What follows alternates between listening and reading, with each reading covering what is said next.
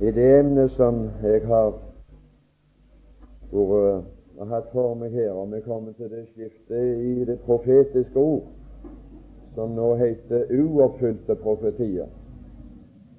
Nå har vi til denne tid stans for oppfylte profetier som sto i forbindelse med Guds sønn. Og det som eh, jeg vil bruke de tre siste timene som jeg skulle få anledning til, det var også bare å ta noen prøver og noen, uh, noen spredte trekk av det som står ennå uoppfylt i forbindelse med Jesus. Og Da vil jeg lese det første verset fra Johannes evangeliet, det 14. kapittel. Og vi leser fra vers 1. Eders hjerte forferdes ikke, tro på Gud og tro på meg. I min Faders hus er det mange rom. Var det ikke så, da hadde jeg sagt eder det. For jeg går bort for å berede eder sted. Og når jeg er gått bort og har beredt eder sted, kommer jeg igjen og vil ta eder til meg, for at også I skal være der jeg er. Den profetien som ligger skjult i dette verset og i dette utsagn, det er profetien om at Jesus kommer igjen. Jeg kommer igjen. Du store min, det er profetien om vår Frelser. Han kommer igjen. Og jeg skal ikke, jeg skal ikke si mange ordene om det. Men jeg har lyst til å bruke et lite bilde som jeg har sett så ofte hjemme på Åkra. Det er, der er en gutt og en jente som er blitt glad i en annen. De har de har gått sammen ei tid, og er, de er livet for hverandre. De har fått tro, og de har begynt å stole på hverandre. Og så hender det så ofte på i vårt distrikt at gutten kan reise til sjøs. Og så står jenta igjen, og så foran denne begivenhet og foran denne kjensgjerning at den gutten som hun er så glad i, han skal nå dra ifra så langt og til områder som hun ingenting vet om, og så er hun så redd for Må han komme igjen? Må han komme igjen? Skal han svikte meg? Skal jeg bli gående igjen og reise han ifra meg? Kan jeg stole på han? Og så sier gutten å, tro på meg, jeg kommer igjen. Jeg hadde lyst til å legge det på sinnet det er ikke i veien med. Å, du kan tro på Han. Tro på meg. Det kommer igjen. Det kan synes det blir lenge. Det kan synes det blir lenge. Du kan bli frista til å flirte. Og tro på meg, jeg kommer igjen. Og når jeg kommer igjen, så kommer jeg igjen, og da skal vi alltid være sammen. Da skal vi alltid være sammen. Jeg hadde bare lyst til å minne om noe i forbindelse med den sannheten som står i nøye forbindelse med 1966 og vår tid. Jan Peters brev, det tredje kapittel, de første versene der. Dette er alt Men du verden så, så fort det går, syntes dette. Dette er alt det annet brev jeg skriver til dere, for atter, for atter, ved påminnelse, ved påminnelse til å dekke Å, det er noe som har så lett for å sovne. Ved påminnelse å vekke eders rene hud. Ja, det står det. Til å minnes rene hud. Til å minnes Har du dårlig hukommelse? Har du bruk for noen Herrens vitner, så gjenta atter, og så snart gjenta for å vekke din rene hud til å minnes hva for noen ting? Apostlenes, eller profetenes, atter minnes de ord som forut er talt av de hellige profeter, av Herr og Herrens bud, som meders apostler har forkynt. Hva er det der for noe? Hva var det for noe? Hva var det for noe som var så veldig om å gjøre å minnes de ordene som er foruttalt? Å, at i de siste dager i de siste dager skal det komme spottere med spott. Hvor, hvor er løftet om hans gjenkomst? Og du og du, om djevelen noen gang i verdens historie, om det noen gang har vært sant, det der står i Bibelen, at djevelen har kraft og evne til å omskape seg til en lysets engel, så har det skjedd i våre dager. Å, djevelen er her iblant oss. Ikke med hestehov. Ikke den som vettet av det når det er mørkt om kveldene. Men når det er lyst, i, en ly, i skikkelse av en lysets engel. Å, hvor er løftet om hans gjenkomst? Spott i forbindelse med Jesu gjenkomst i kristelig regi. Ja. Jeg skal ikke si noe, jeg skal bare gå forbi det. Men uh, jeg har ett vers til.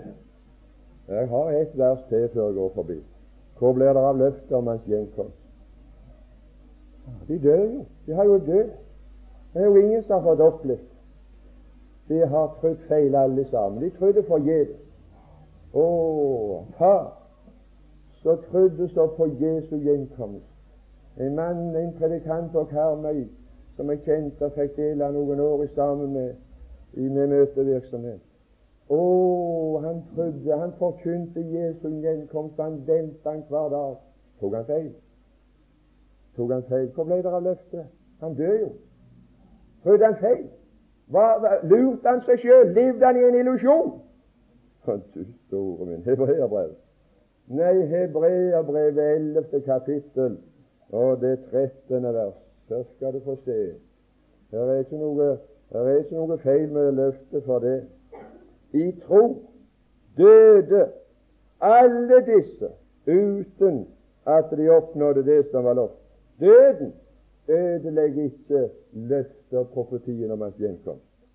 Å, langt ifra. Jeg har ikke ødelagt noe for hans arv. Å, langt. Det var ingenting ødelagt i hans tro og hans tillit til Jesus at han skulle komme igjen, for det er man død.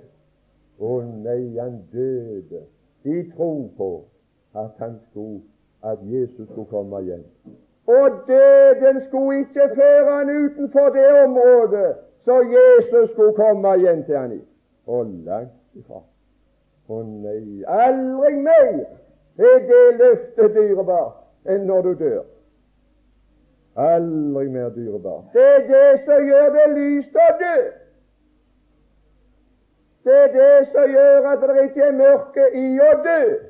Det er å kunne dø i tro på at Jesus kommer igjen og skal føre meg sammen med ham i himmelen, i mitt legeme. Du store, men det går ikke til grunne for det. Han komme igjen. Vi kan bare spotte. Vi skal ikke bli troløse for det. Jesu gjenkomst når de nok, enten det var de som døde i går, eller det var de som døde i fjor, eller det var de som døde etter Kristi kors, eller var de som døde før Kristi kom. Han skal nå de alle. Den andre tingen, det andre ordet, apostlenes gjerninger, det første kapittel og det ellevte vers i forbindelse med det som er uoppfylt om Jesu gjenkomst for de troende. For dette er bare for de troende. Ja, det var eders hjerter. Jeg kommer igjen for å motta eder og ta eder til meg. Dette her har bare Dette er bare uoppfylte profetier i denne timen i forbindelse med de troende. Der står i Apostlenes gjerninger, første kapittel og ellevte vers denne Jesus er det som skal komme igjen. Denne Jesus så de så fare opp, det er denne Jesus som skal komme igjen. Ja, det, det er ingen annen Jesus. Det er denne. Første Tessalonika-brev, det første kapittel, fjerde kapittel og 16. vers. Det er Herren selv.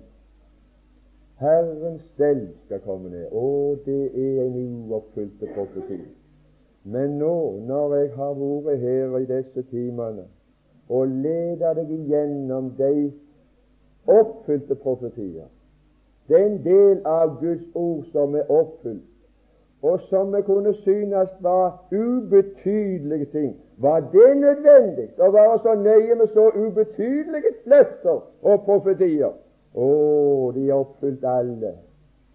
Det har gitt meg en urokkelig tillit. Det, ikke, det skal ikke være noe slikt i at han, skal, at han skal komme igjen. Han kommer igjen. Herren selv skal komme. Den samme Jesus skal komme igjen.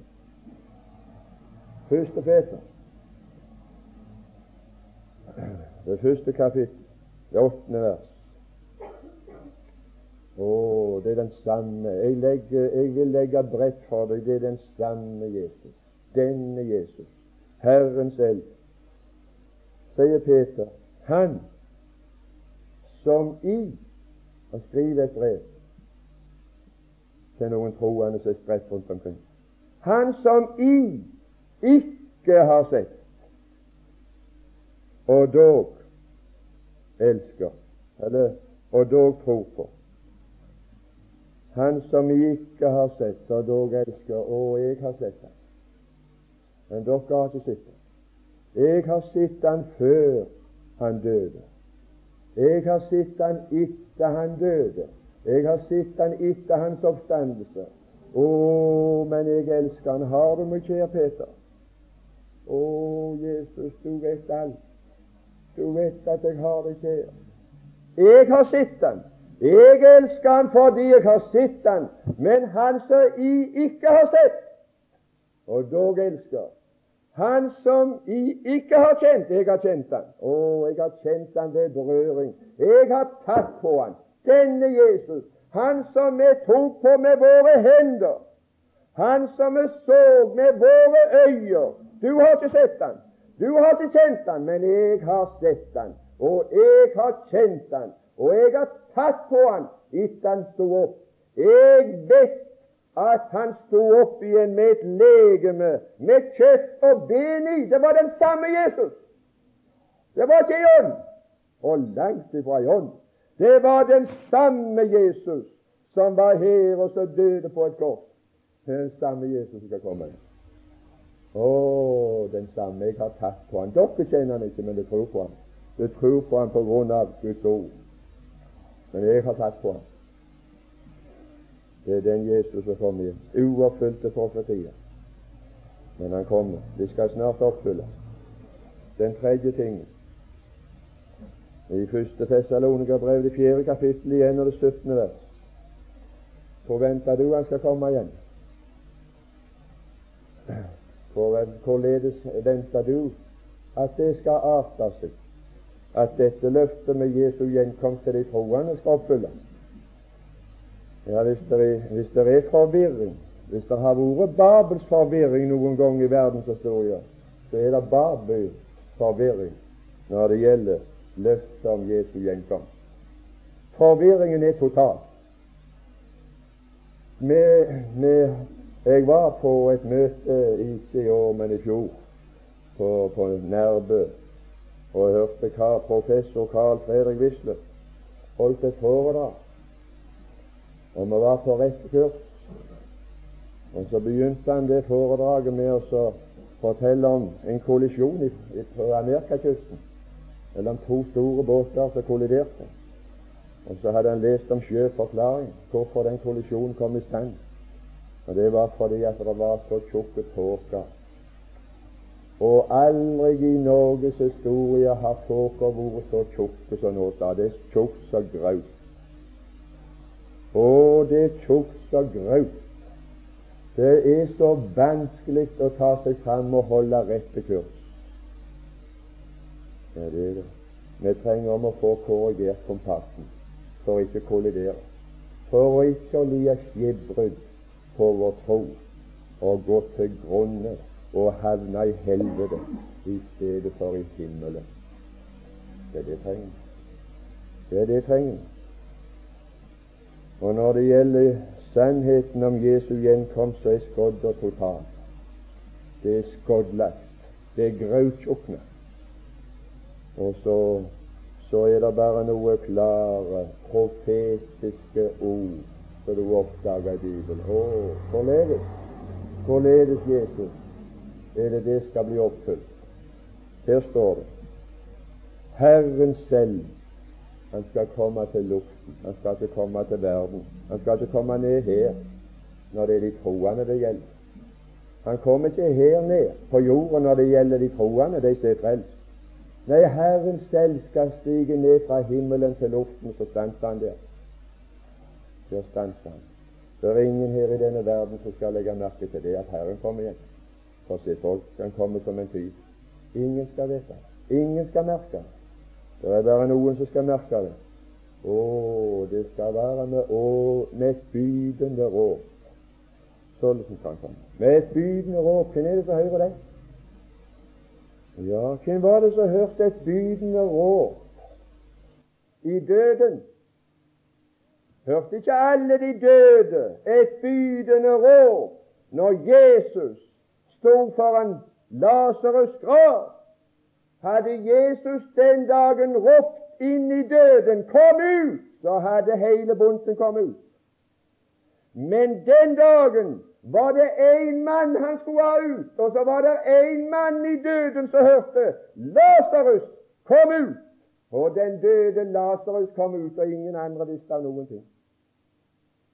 Du kan være sikker. Og med et bydende rop så skal de døde i Kristus først oppstå. De skal høre det, og ingen annen i død. Således venter jeg. Det er uoppfylte profetier, og de profetiene de har jeg ei urokkelig tillit til. De blir snart oppfylt. De døde i Kristus. De skal først oppstå. Så Jeg var med og bar den kista utover vårt hus.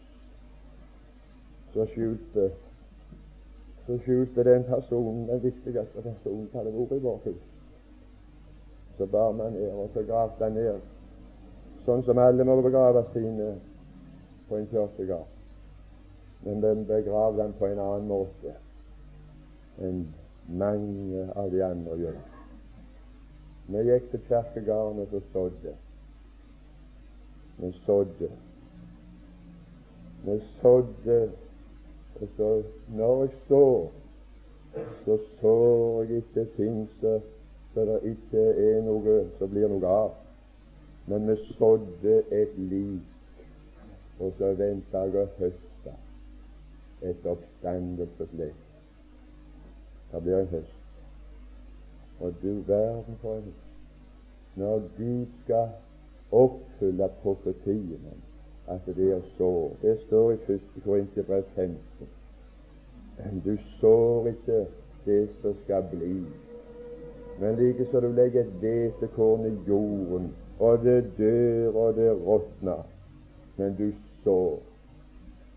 Sår du i tro når du begraver dine døde?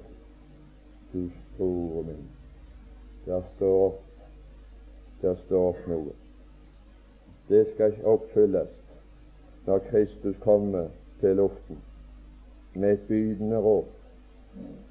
Da skal de døde i Kristus først oppstå. Jeg skal ikke si så mye mer om det, det er ikke tid, det er ingen mulighet. Nå var engelens røst og engler i Bibelen det står for tjenende ånder. Og her er det ikke en engel, ikke en herskar av tjenende ånder, men det er med over engelens røst. Så den dagen skal tjene som han aldri før har tjent. Han kommer selv! Du kan være sikker. Og enten jeg lever eller jeg død den dagen, så skal jeg høre Å, et bydende råd! Så jeg skal høre meg ved er død og forråtne, og så skal han tjene meg med å gi meg et legeme som er likt hans herlighets legeme. Du store min for uoppfylte profetier. Han kom igjen. Han kom igjen med Guds basun. Ja, du, der er basuner i Bibelen. Basuner, hva taler det om?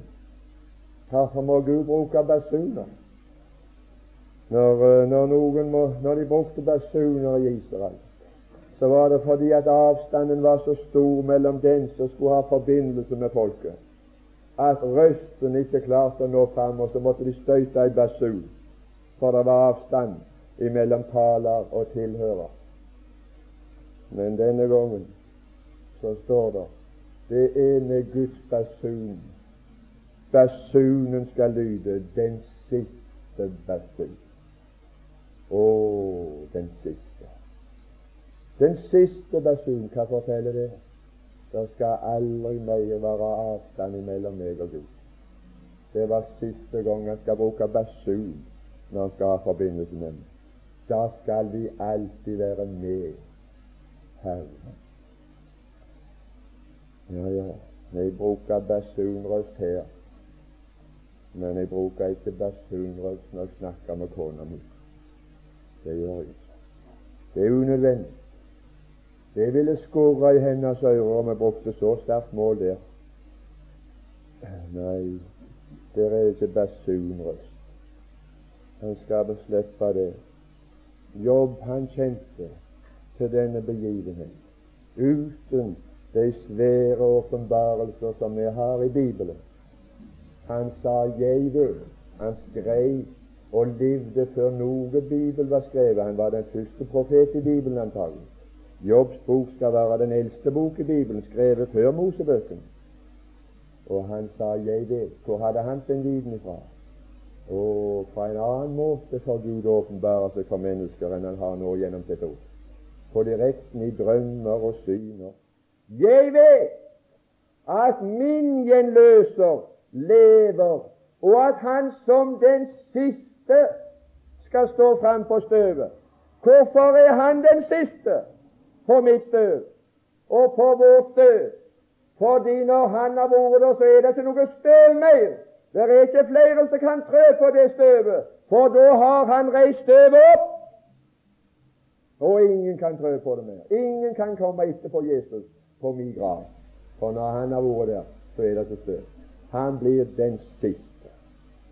Du store min, når det blir oppfylt. Ja, ja, det var andre ting her. Litt til. Det var det når det gjaldt de døde. Men uh, de skal leve når han kommer til luften. Hvorledes er det det ville skje? Jo, det skjer ved bortrykkelse. Det gjør det. Men bortrykkelsen, den skal skje både av døde og av de troende som lever i troen, som ikke er død. Og der, når Jesus kommer til luften, så skal han åpenbare seg i den doble karakter som han presenterte seg utenfor Lasarus' grav. Han sa, 'Jeg er oppstandelsen', og det demonstrerte han på Lasarus. Det var oppstandelsen som ropte, og derfor kom han ut. Men han sa ikke bare det. Jeg er oppstandelsen og livet. De døde vil gjøre erfaring på Jesus som oppstandelsen. Men de troende som lever på Jesu tid, når han kommer igjen, de vil erfare han som livet. Dette dødelige skal bli oppslukt av livet. Du skal ikke dø. De sier på Karmøy, om de sier det På Sørlandet, det vet jeg ikke. Men når de skal slå en ting ganske sikkert fast, så sier de det så sikkert som døden. Og det er ikke så sikkert. Det er slett ikke så sikkert. Nei, men vi har lært oss til som det skulle være sikkert. Men det er noe som er sikkert. Det er bare én ting som er ganske sikkert, og det er at Jesus kommer igjen. Det er sikkert. Og når Han kommer igjen, så skal de tro Han ikke dø. Jeg sier eder, sier Paulus, 1. Korintiabrev, 15. kapittel og det 56. vers. Jeg sier eder en hemmelighet, vi skal ikke alle hensove. Så var det Jeg har en gutt på forretningen min hjemme. Han skal gifte seg nå om 14 dager. Og den jenta er jeg ikke sikker på er frelst. Hun er ikke ganske trygg, men hun vil gjerne være frelst, men hun har ikke lys over. Og så, så går de til møter for å prøve å få lys. Og for at det skulle skje det under at klarheten og vissheten skulle renne oss i hennes hjerte, så var de på Sankt Hans kvelden. Og så hvor jeg var med på en Sankt Hans-tilstelning og talte litt om Jesu gjenkomst på en Sankt Hans-kveld. Og så nevnte dette verset at det er det eneste som er sikkert, er at Jesus kommer igjen. Men det er ikke så sikkert han skal dø. For det står i Bibelen at vi skal ikke alle hensove, men vi skal alle forvandles. Og hvis Jesus kommer igjen, så kommer vi til å gå glipp av å holde begravelse ved Arne Bjerken. Det kom de. De kom til å gå glipp av det. De kom til å savne ham for godt. Han ville bli forvandla i et nu, og så bli rykt i, i skyer opp i luften. Og så var det det at mandagen etterpå, tror jeg det var, så, så skulle de i begravelse til bestefar til den jenta. Og så, så talte presten der i den begravelsen.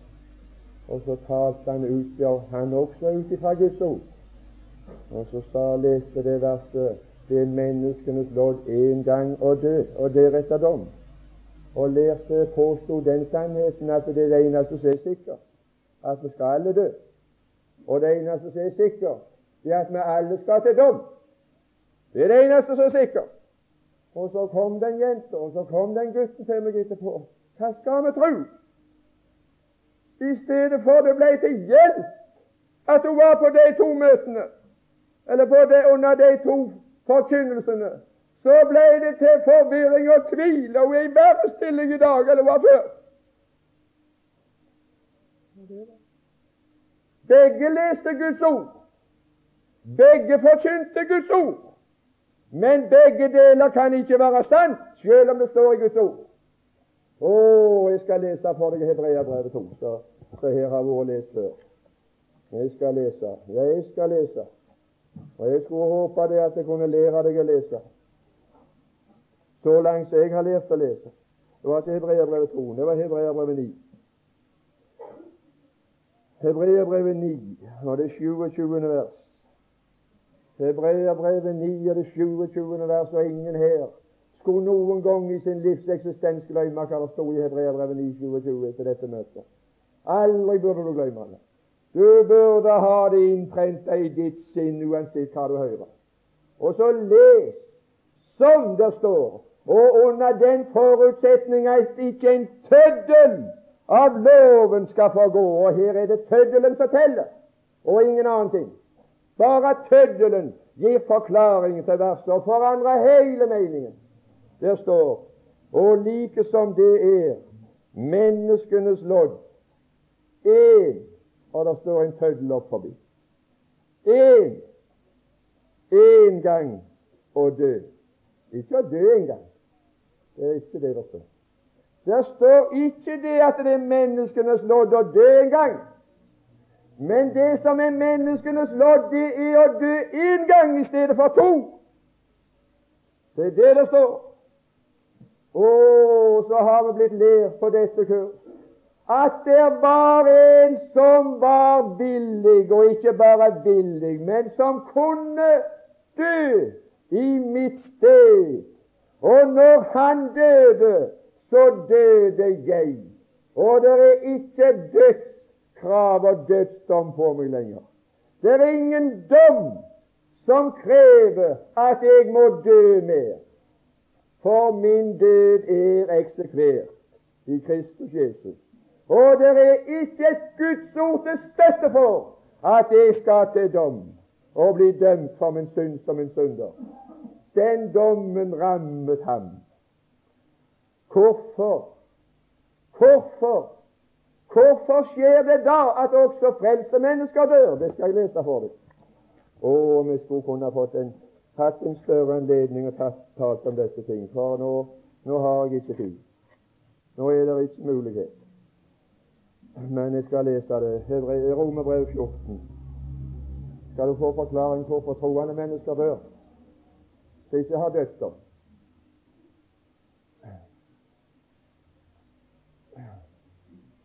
Romerbrev 14, sjuende vers.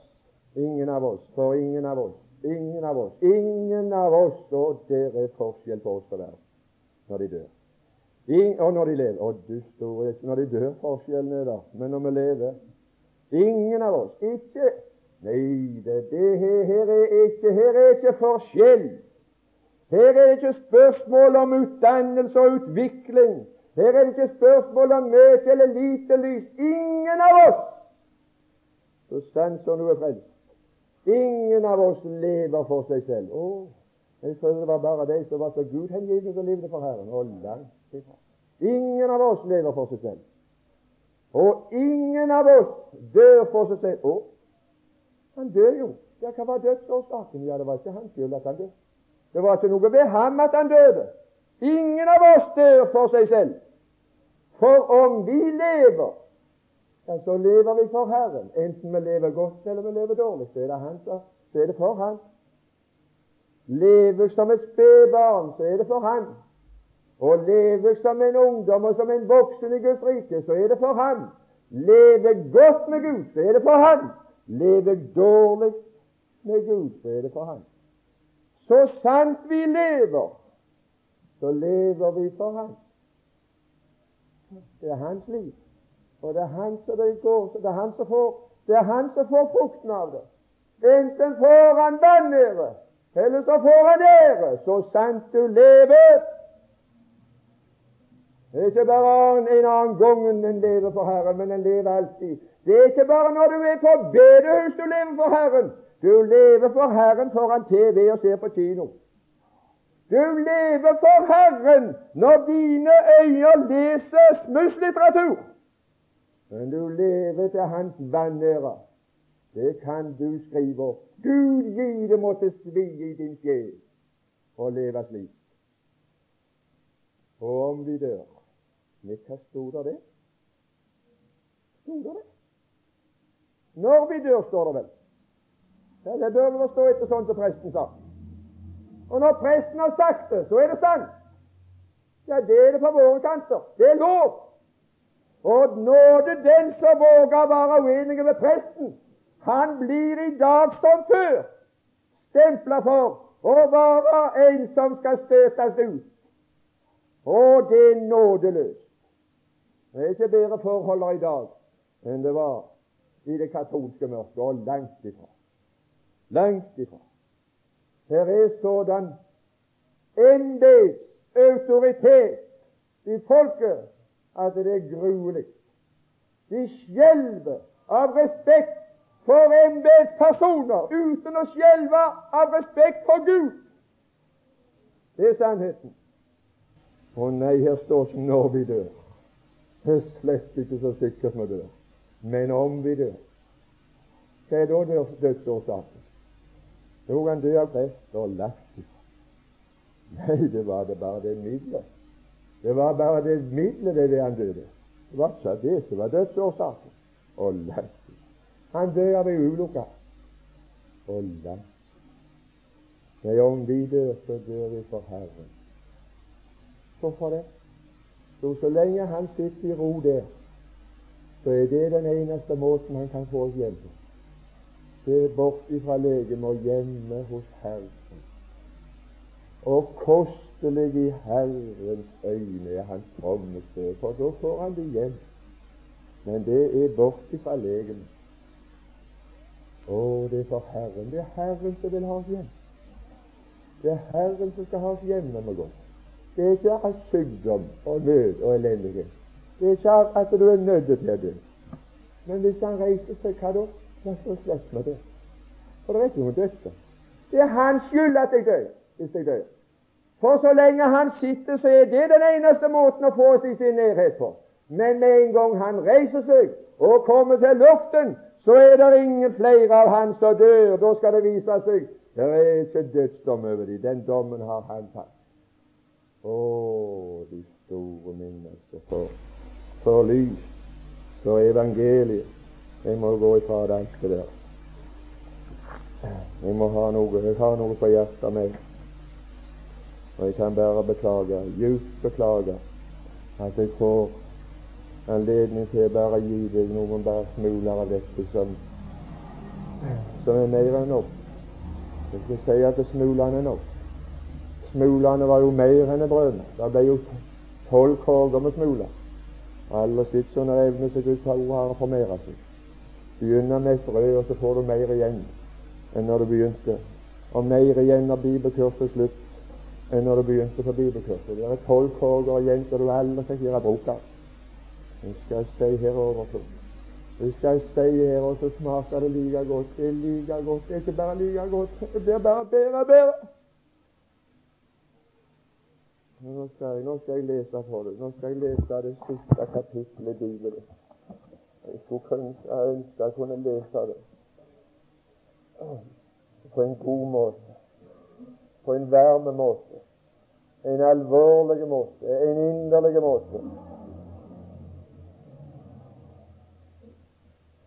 I det 22. kapittelet i Johannes' åpenbaring, første gang i det kapittelet vi hører om Jesu gjenkomst, denne profetien, sjuende vers, og se og se Å, men du verden er rotas av å se. Du så vel det i går, sa de til. Jeg kan ikke komme på forretning noen dag uten å møte det spørsmålet av de aller fleste kunder. Du så vel det på TV i går? Du så vel det? Du så vel det? Og du så vel det? Men de som snakker om alt det de har sett Jeg legger sjelden merke har aldri noen forståelse av at vi har sett noe av det som her står. Jeg har ikke TV. Jeg tror aldri i mitt liv at jeg kommer til å få TV. Uansett om det skulle være mye godt å se i TV. Og selv om det var bare godt å se i TV, så vet jeg det altså at han ikke inn allikevel. For jeg har sett hvordan det virker. Når skulle jeg få lov å lese min bibel hvis jeg ikke skulle få lov å lese den når jeg kom hjem etter arbeid? Jeg er ikke noen predikant som er, som er utskilt fra det vanlige arbeidet. Jeg går på arbeid og arbeidet hardt fra morgen til klokka fem og seks av bidige dag. Og så er det ete middag i hu og. Og så er det å sette seg ned og lese Guds ord. Og så har jeg en gutt, og så har jeg en jente rier, og kan ikke leke med det. Og når jeg klarer av å si nei til det, så skal hun sette meg ned og så fôra vi med TV. Du skulle lure på hva jeg da skulle få lese i den bok. Og se der! Jeg skulle ønske det aldri ble et fjernsyn igjen i et troende hjem. Jeg ønsker ønske det at jeg erklært krig imot alle sånne ting av Guds barn.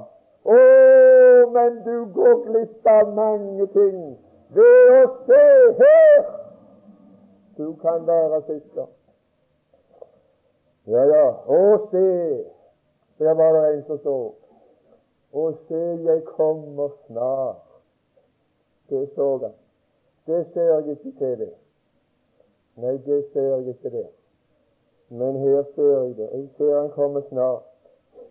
For det første så ser jeg han komme snart på den måten at det vil gå snart for seg når han kommer. Det vil skje i et øyeblikk så jeg får til tid å tenke. Jeg får til tid å si et sukk.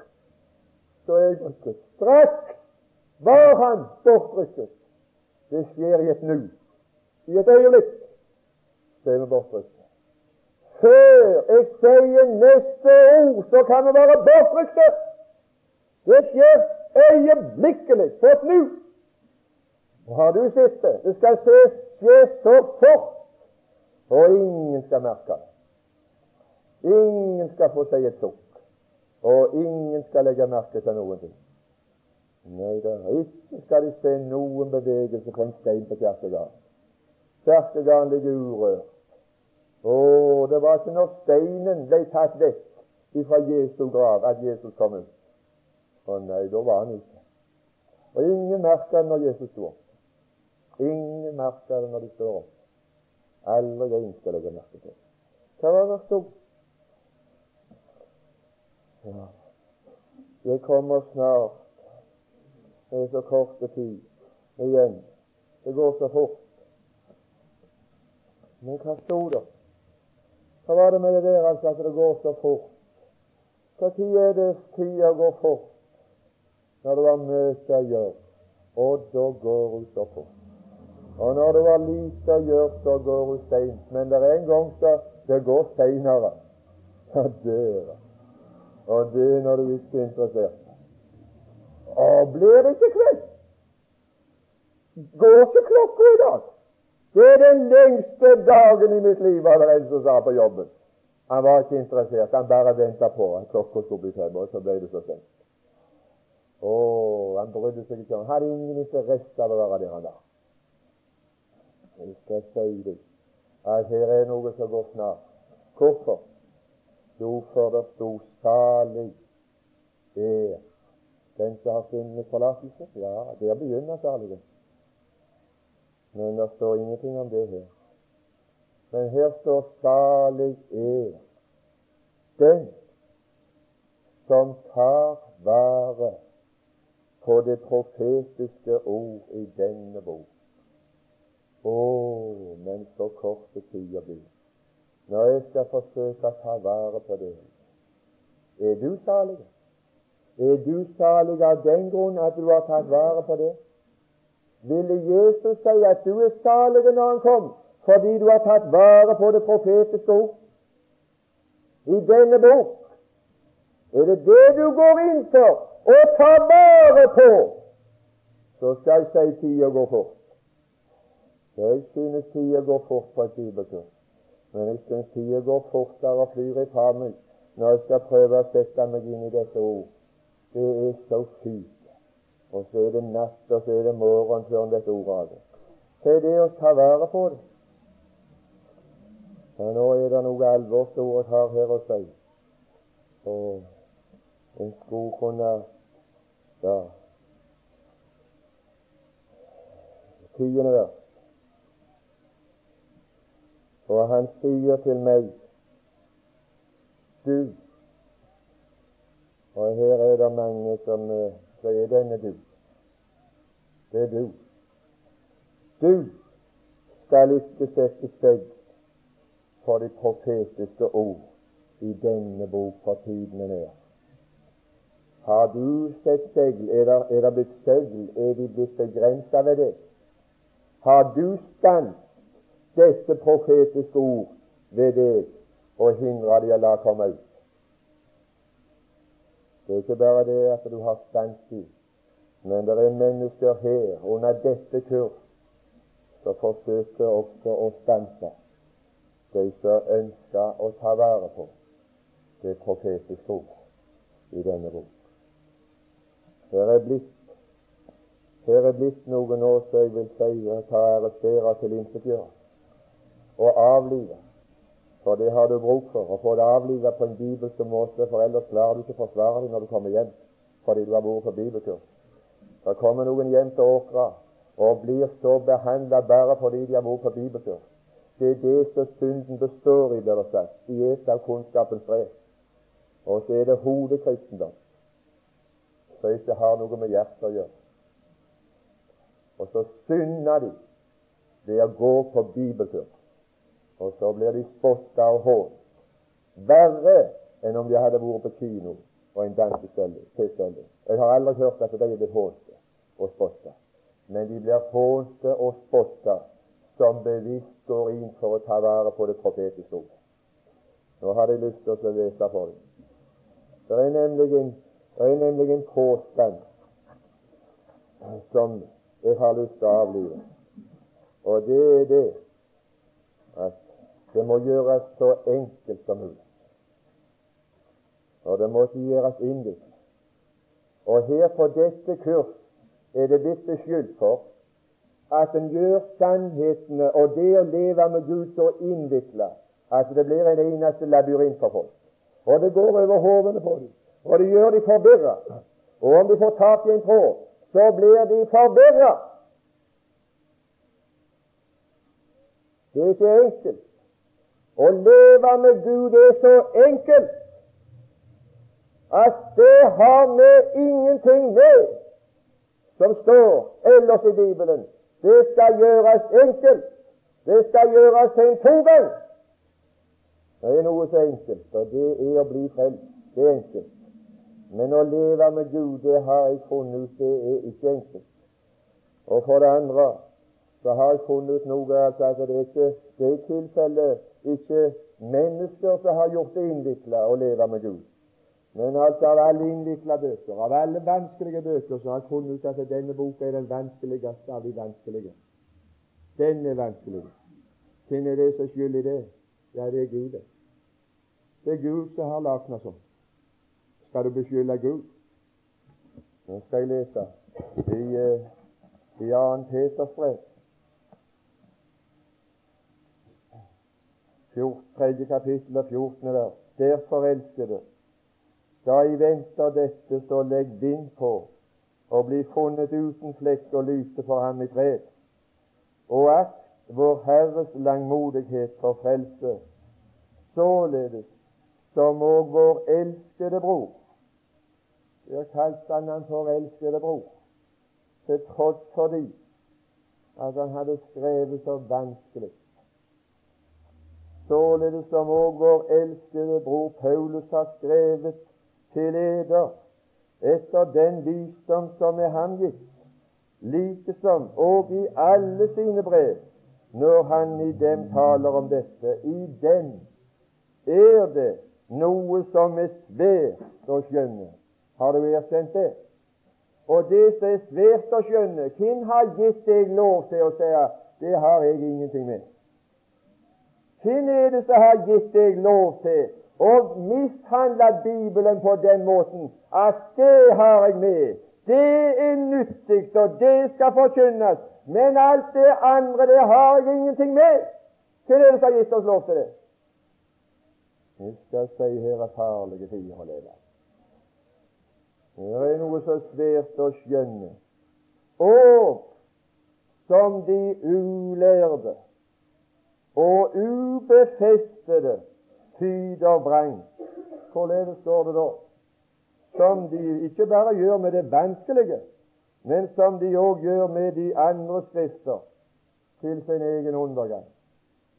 Og nå har jeg lyst til å si at jeg håper det at det er ikke det som jeg har gjort at jeg gjør det vanskelig, men jeg hadde en hensikt med å være her, at det som er vanskelig, det som er vanskelig å skjønne, det som er vanskelig i våre dager å leve et liv i tro, det var det jeg hadde lyst til å hjelpe deg til.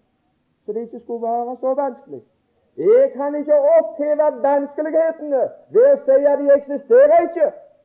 Men jeg kan se vanskelighetene i øynene, både i Bibelen og i livet, og forsøke å hjelpe deg. Ønsker du hjelp, eller ønsker du å være en struts som graver hodet ned i sanden og sier det er ingen fare?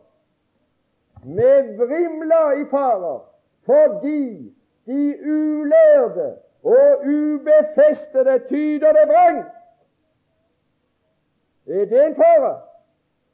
Hva var den faren bestod i? Det førte til undergang.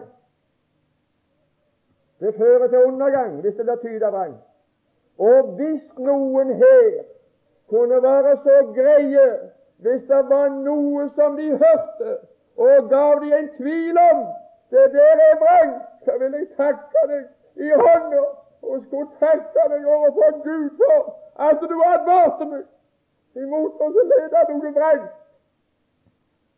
Ikke ønsker jeg sjøl å være på en vrang vei, Og slett ikke ønsker jeg å få noen andre på den, men jeg ønsker å hjelpe deg, så du ikke skulle bli et bytte for deg som fører deg til undergang.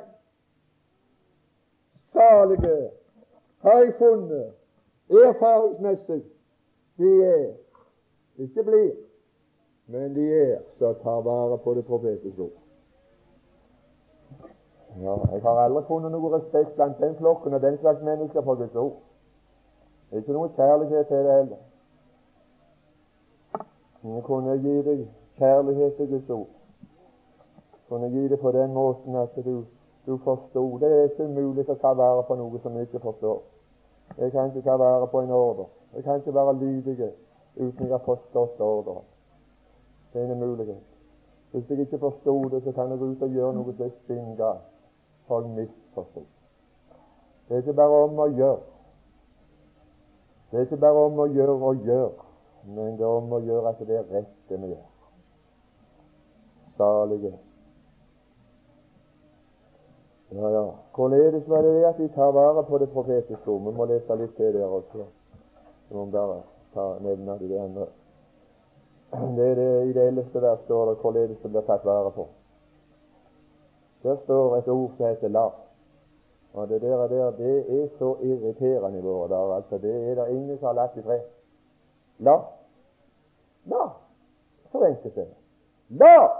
La det være sånn, som det står i Bibelen. Men det vil jeg ikke være med på. Nei, det er så om å gjøre at å ha det annerledes. For all del så må det være annerledes. La! La treet være! Store min. La den som gjør urett, La det hete urett. Det gjør ikke det i våre dager. Det gjør ikke det. Vi lar ikke det være sånn. La den som gjør urett, fremdeles gjøre urett. La svart fremdeles være svart. Og la den urene fremdeles bli uren. La de en fremdeles hete urene, disse urene. La oss ikke gjøre svart til hvitt ved å gjøre alt grått. La oss ikke blande frelst og ufrelst sammen, og så blir det grå masse alt. La det være. La det være skilt. La det være svart, og la det være hvitt. Er det det de gjør? Nei, kristelig virksomhet i våre dager tar sikte på å ta det skillet vekk, så at du kan få nå massene. Ja, da kan du nå masser. Ja, ja. Det, da lar det ikke være det som står. Og så sto det Og la den rettferdige Å, fremdeles. Fremdeles. La nå det! La den rettferdige fremdeles være rettferdig. Nei, det vil ikke. Og langt ifra. Det er farlig. Og la den hellige fremdeles bli helliggjort. La det være slik. Det er å ta vare på det profetiske ord. Det andre som står Se, jeg kommer snart, og forsto ikke punktum. Og min lønn er med meg. Uoppfylte profetier. Når Jesus kommer igjen, så har han lønn med seg. Hvem er det som venter på lønningsdag? Ja, jeg var, har vært i vinter og, og arbeidet på en skole, for vi hadde et anbud på et gulvbelegg på en skole som de bygde. Og der var det mange slags arbeidsfolk. Og der var det var det folk som venta på, på fredag. Ja, den venta de på. De venta på lønningsdagen. Hvorfor venta de på den? Fordi de hadde arbeid. De venta på lønn for et arbeid. Å, de venta på lønningsdag. Venta de på lønningsdag? Venta du på lønningsdagen? De fikk ingenting mens de arbeidet. Fikk ikke rødt øre. Nei, aldri slagtekst. De arbeidet i forventningen av lønningsdagen. Se, jeg kommer snart, og min venn er med meg. Og det var folk der på den skolen som arbeidet og venta på at han arbeidsherren skulle komme fra Stavanger, og så venta de han skulle ha lønn med seg. Så visst gjorde de det. Å, det er noen som ikke får en dråpe her. De får ikke fem øre. Aldri noe slag. Men de arbeider for det. Å ja visst arbeider de. Å, de arbeider. De arbeider, men de skal få lønn der. Hva godt Enhver gjør, det skal han få igjen av Herren når han kommer. Og du får ikke godt igjen her for godt du gjør. Nei, Hvis du vil komme på kant med mennesker, så er det bare til å være god imot dem. Det har jeg funnet.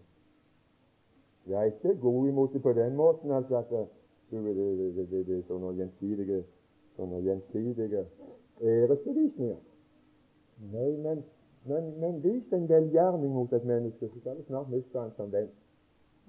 Gjør en sådan velgjerning imot han at han kommer i et takknemlighetsforhold til deg, så mister du han snart.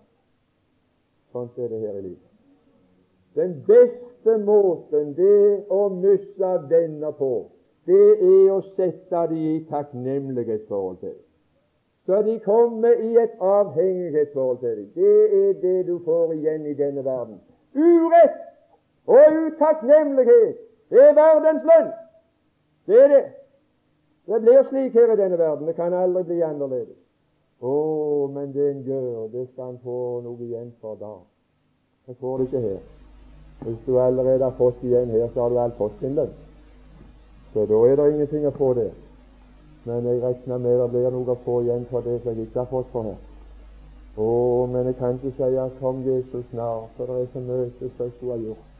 Det blir så lite i lønningsposten. Det har vært for mye for mye sløsing av tid. Det, det var akkord. Det var ikke for timen. Det var det. Det blir så lite for meg. For det blir for oppmålet. Det blir oppmålet. Da får jeg igjen ikke det jeg har gjort. Min lønn er min.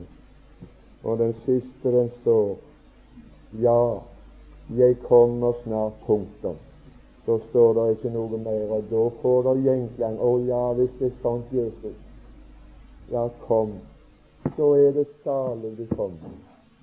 Så er det salig og godt at du er med. Herre, vi venter din sommer.